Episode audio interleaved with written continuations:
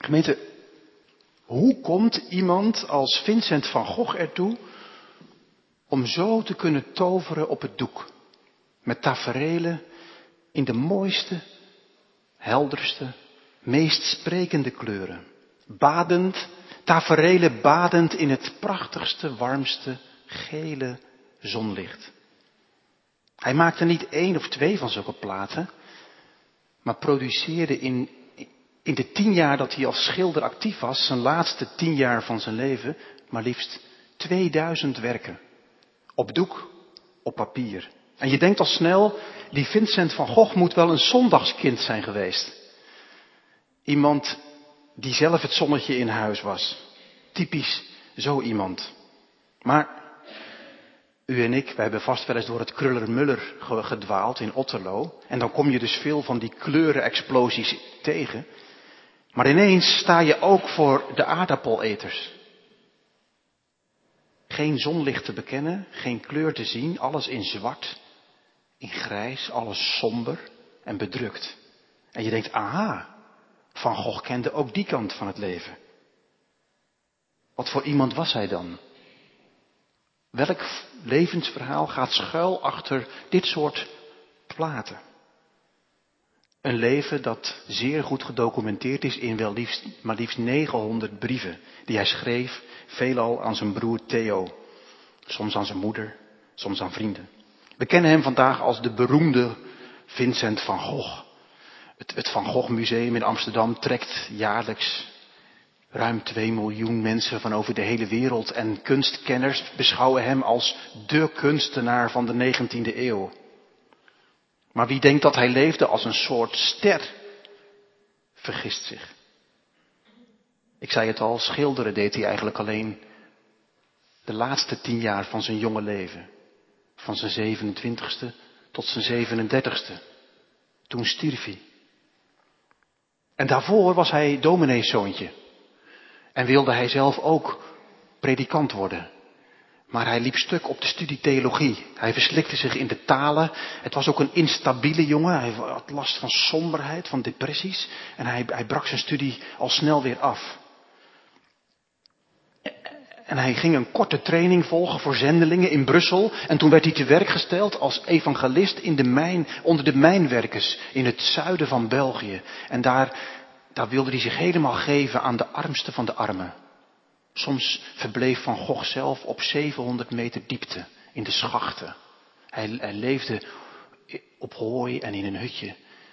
En leidde een armoedig en deprimerend bestaan. Uiteindelijk werd hij daar niet geschikt bevonden. En ook daar eindigde het al snel. En zat zijn leven op een volstrekt dood spoor. Hij was ontgoocheld. Hij was ontmoedigd. Hij leek zijn levensbestemming volledig mis te lopen. Hij is dan 27. Hij breekt met de kerk. Hij raakt teleurgesteld in, in de kerk en kerkelijke instituten. Maar hij breekt niet met geloof. Niet met Christus. En hij, hij is typisch zo iemand bij wie het geloof niet komt aanwaaien. Jullie voelen het al met zo'n neiging tot neerslachtigheid, tot somberheid. Zit het geloof niet per se in zijn genen. Hij heeft zijn karakter zeker niet mee. Hij moet het steeds opnieuw veroveren, bevechten.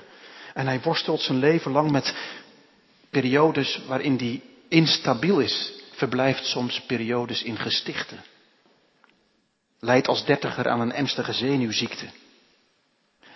En als je zijn vroegste, zijn eerste platen en schilderijen bekijkt, dan proef je dat. Dan proef je die bedruktheid. De aardappeleters en meer van dat soort platen die hij maakte in Nune, in Brabant. Maar in die tien jaar zoekt Van Gogh steeds nadrukkelijker het licht op, de zon. Letterlijk door naar Frankrijk te trekken en ander, warmer, geler zonlicht te gaan zien en ervaren. Eerst in Parijs, later in Arles. En hij schrijft aan zijn broer Theo in die periode hoe lelijker, ouder, boosaardiger, zieker en armer ik word, hoe meer ik me wil wreken door briljante, goed geordende, schitterende kleuren. Van Gogh maakte dit soort platen tegen de depressie in, tegen de klippen op. Een belangrijk element in zijn schilderijen is de zonnebloem. Hij heeft eindeloos veel schilderijen gemaakt met zonnebloemen. Daar is hij beroemd om geworden. En ook de zon zelf. Van Gogh zag, zag zichzelf wellicht als een zonnebloem die zich steeds opnieuw wendt naar het licht. En de zon, daarbij moest hij vast gedacht hebben aan Psalm 84. Want God de Heer is een zon en een schild. Een zon die, u ziet het hier, vlammend licht werpt op korenvelden. Of als een vurige bol oprijst van achter een zaaier. In zijn eerste werkjes tekende hij vaak aan de horizon een kerktorentje. Maar die verdwijnen. Het wordt steeds vaker een zon. En dan krijgt hij op een dag, in zijn, als hij opgesloten zit in zo'n gesticht, een ets toegestuurd van Rembrandt. Misschien kunnen we naar de volgende slide gaan, Bram. Hij krijgt een ets toegestuurd van, van Rembrandt. Hij bekijkt dat. Het is een getafereel van de opwekking van Lazarus. En hij besluit zijn eigen versie ervan te maken. En waar Rembrandt Christus plaatst, plaatst Van Gogh de zon. En ongetwijfeld geworteld als hij was in de schriften, heeft hij gedacht aan het vers wat wij vanavond lezen.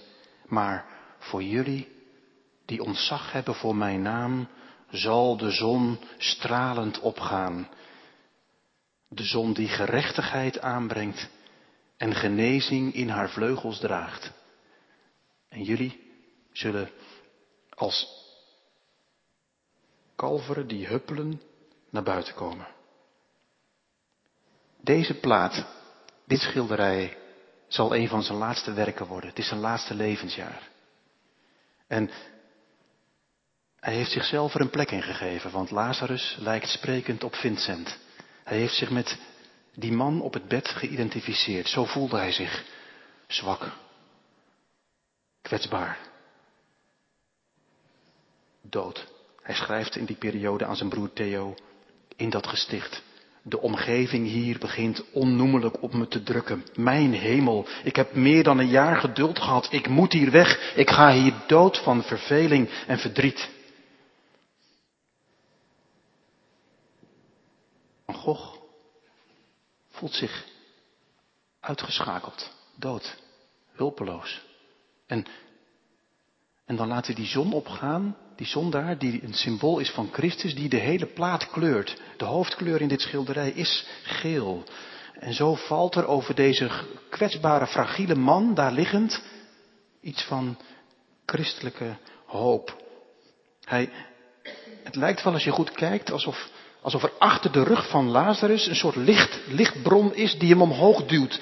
Het licht duwt Lazarus terug het leven in. En als kijker sta je er tussenin, tussen die twee zussen, Martha en Maria, die daar met drukke gebaren staan te reageren op wat zich daar voltrekt. En de zon schijnt recht in je gezicht als kijker. Je staat er met je neus bovenop. Christus als een opkomende zon die zelfs doden tot leven wekt. En als kijker sta je ervoor en vraag je af, en ik? Is de zon ook op die manier voor mij een levensbron? Kom ik overeind? Sta ik op? Het is een machtig beeld bij Malachi. Christus die als een zon opgaat. De zon gaat op, maakt de morgen wakker, is een van onze lievelingsliederen, toch? De zon gaat, gaat op, maakt de morgen wakker. Mijn dag begint met een lied voor u. En iedere dag opnieuw is het niet te stoppen Stelt u zich voor dat je ergens buiten blunteren bent of buiten je woonplek in de natuur en je ziet het gebeuren. Die machtige, vurige bal die daar opgaat en de eerste stralen die zich werpen over een weiland waar de eerste vogels wakker worden en opvliegen en beginnen te fluiten en de nachtdieren verdreven worden terug de bossen in en alles langzaam warm wordt, de dauw verdwijnt, alles begint te geuren en te kleuren. Malachi ziet mensen in dat zonlicht die als kalveren springen, dansen, huppelen. Als kalveren die te lang hebben opgesloten, ziet hij mensen voor wie de, de nacht te donker was en te eenzaam in het morgenlicht blij zijn. vrij. Een nieuw begin. De zon die gerechtigheid draagt en genezing onder haar vleugels. In het oude Egypte tekende men de zon wel als iets wat met vleugels zich bewoog. Onder mijn vleugels zal ik jullie hoeden, is bijbelse taal voor God. Dat is wat Malachi ziet als hij aan die zon denkt. De zon die gerechtigheid brengt en genezing. Ik, ik, moet denken aan Jezus die, die, die een man voor zich door het dak naar beneden ziet komen, die verlamde man. Net zo'n man als op dit bed. Net als Lazarus. Net als Vincent in het gesticht. Zo'n zo'n mens die niet meer weet hoe die verder moet. Die wordt voor Jezus neergelegd. En dan zie je in één ontmoeting die zon over het leven van die man opgaan. Eerst brengt die zon gerechtigheid, want Jezus zegt, vriend, je zonden zijn je vergeven. Dat wat in je leven scheef zit en krom, dat zetten we recht, zodat je weer voor God kunt staan. En als er gerechtigheid is, dan is er ook vergeving. Ik zeg je, sta op en wandel. En de man dartelt als een kalf naar buiten, huppelend en springend en godlovend. Beste vrienden, mijn vraag aan jou, aan u is deze. Neem dat beeld van Christus als een zon eens mee. Kou daar eens op. Bemediteer dat eens op de fiets, in de auto, thuis van de week. Maken wij van Christus niet, maken wij van Jezus niet te vaak een mannetje? Een mannetje in de straten van Jeruzalem die zo zijn dingen deed.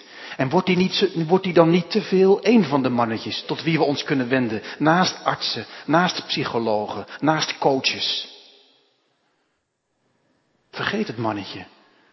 En zie het beeld van de zon als iets machtig majestueus, wat, wat niet te stoppen is en wat alles doordringt en wat leven wekt. De kwetsbare Vincent. In, juist in zijn kwetsbaarheid, in zijn somberheid, in zijn leven wat verre van vlekkeloos verliep. Hij was bij vlagen onuitstaanbaar, schijnt het. Wist wat het was om als een fragiel, gebroken man zich voor die zon open te stellen. Hij schrijft, en hij heeft gemerkt dat wat krom zat in zijn leven, en er zat zoveel krom in zijn ziel, in zijn hoofd, het was een getroubleerd mens. Er zat zoveel scheef in heel zijn biografie. Maar wat, wat scheef was en krom, wist God weer recht te buigen. Gerechtigheid. En wat, wat gewond was en wat had hij putsen en builen opgelopen, ook in de liefde. Dat kon God, dat kon Christus voor hem genezen. En hij schrijft dit, dat is het slot. Hij schrijft dit in een brief aan zijn, aan zijn moeder. Ik voel een kracht in mij die ik ontwikkelen moet. Een vuur wat ik niet mag uitdoven, maar moet aanwakkeren. Ofschoon ik niet weet tot welke uitkomst het mij leiden zal. Amen.